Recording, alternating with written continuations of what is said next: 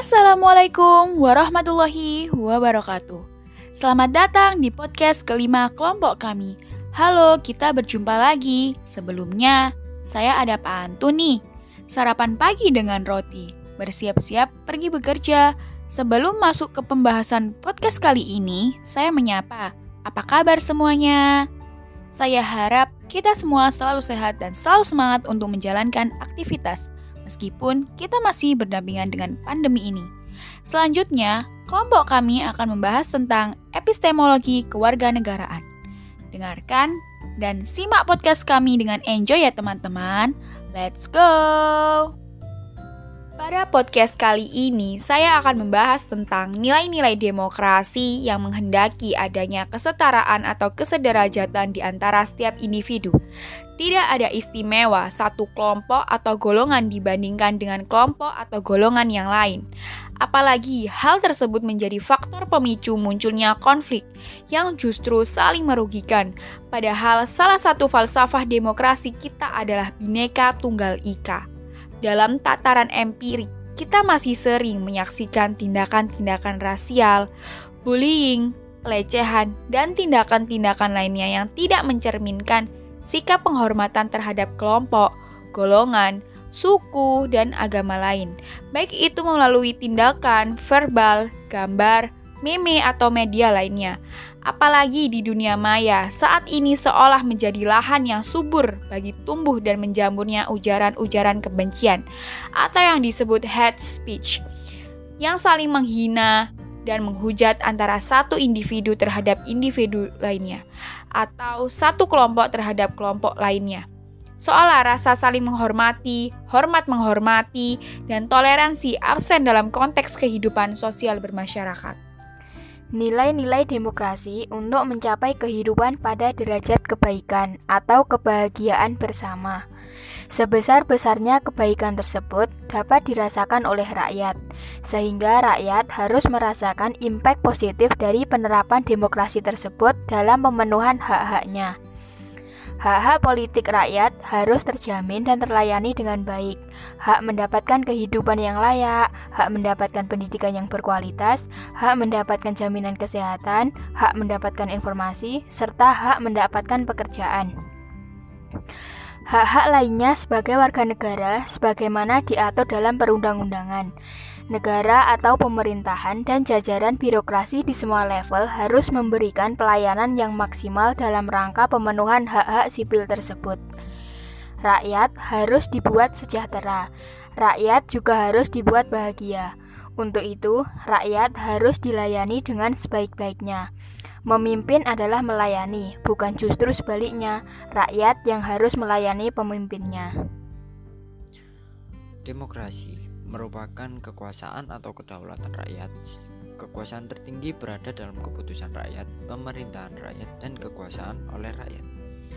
Menurut Joseph Asmeter bahwa demokrasi merupakan suatu perencanaan institusional untuk mencapai keputusan politik di mana individu-individu memperoleh kekuasaan untuk memutuskan dengan cara perjuangan kompetitif atas suara rakyat.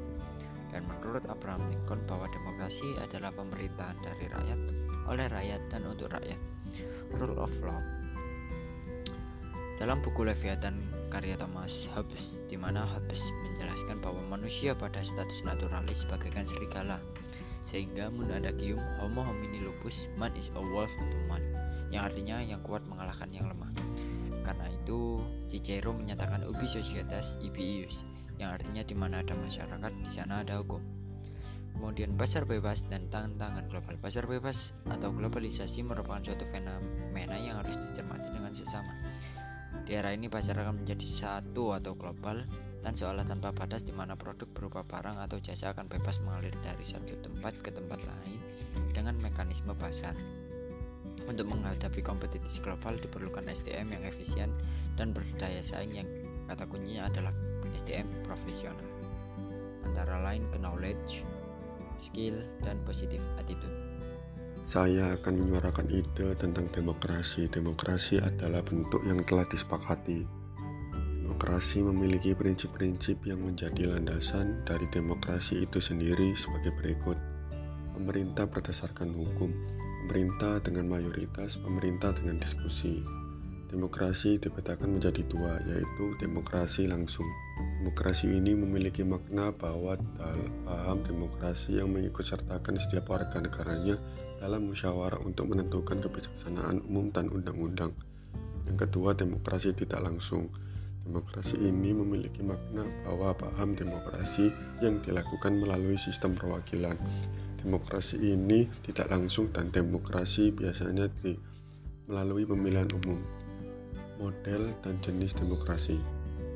Demokrasi liberal liberal yaitu pemerintahan yang dibatasi oleh undang-undang dan pemilihan umum bebas yang diselenggarakan dalam waktu yang dekat. Yang kedua, demokrasi sosial.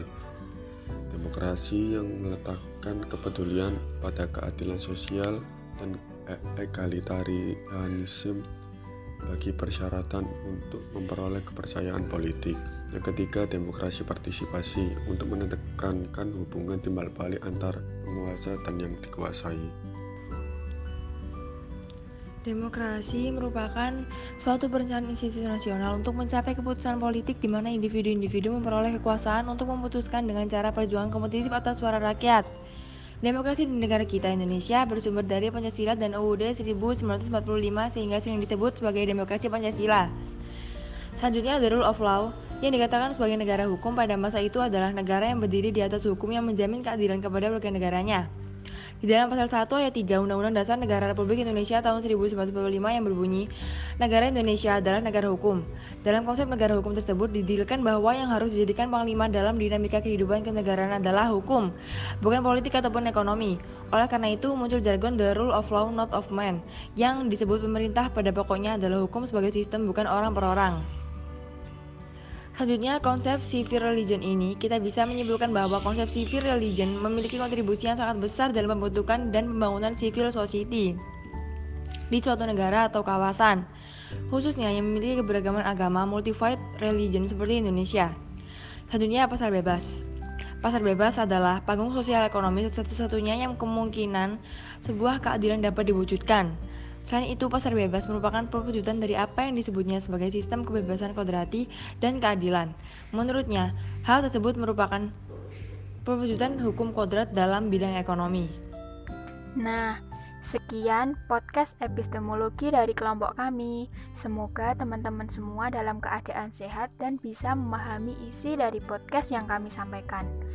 Sedikit motivasi dari saya yaitu Orang-orang yang berhenti belajar akan jadi pemilik masa lalu, sedangkan orang-orang yang masih terus belajar akan menjadi milik masa depan. Sekali lagi, mohon maaf apabila ada kesalahan kata dari kami. See you next episode, teman-teman. Wassalamualaikum warahmatullahi wabarakatuh.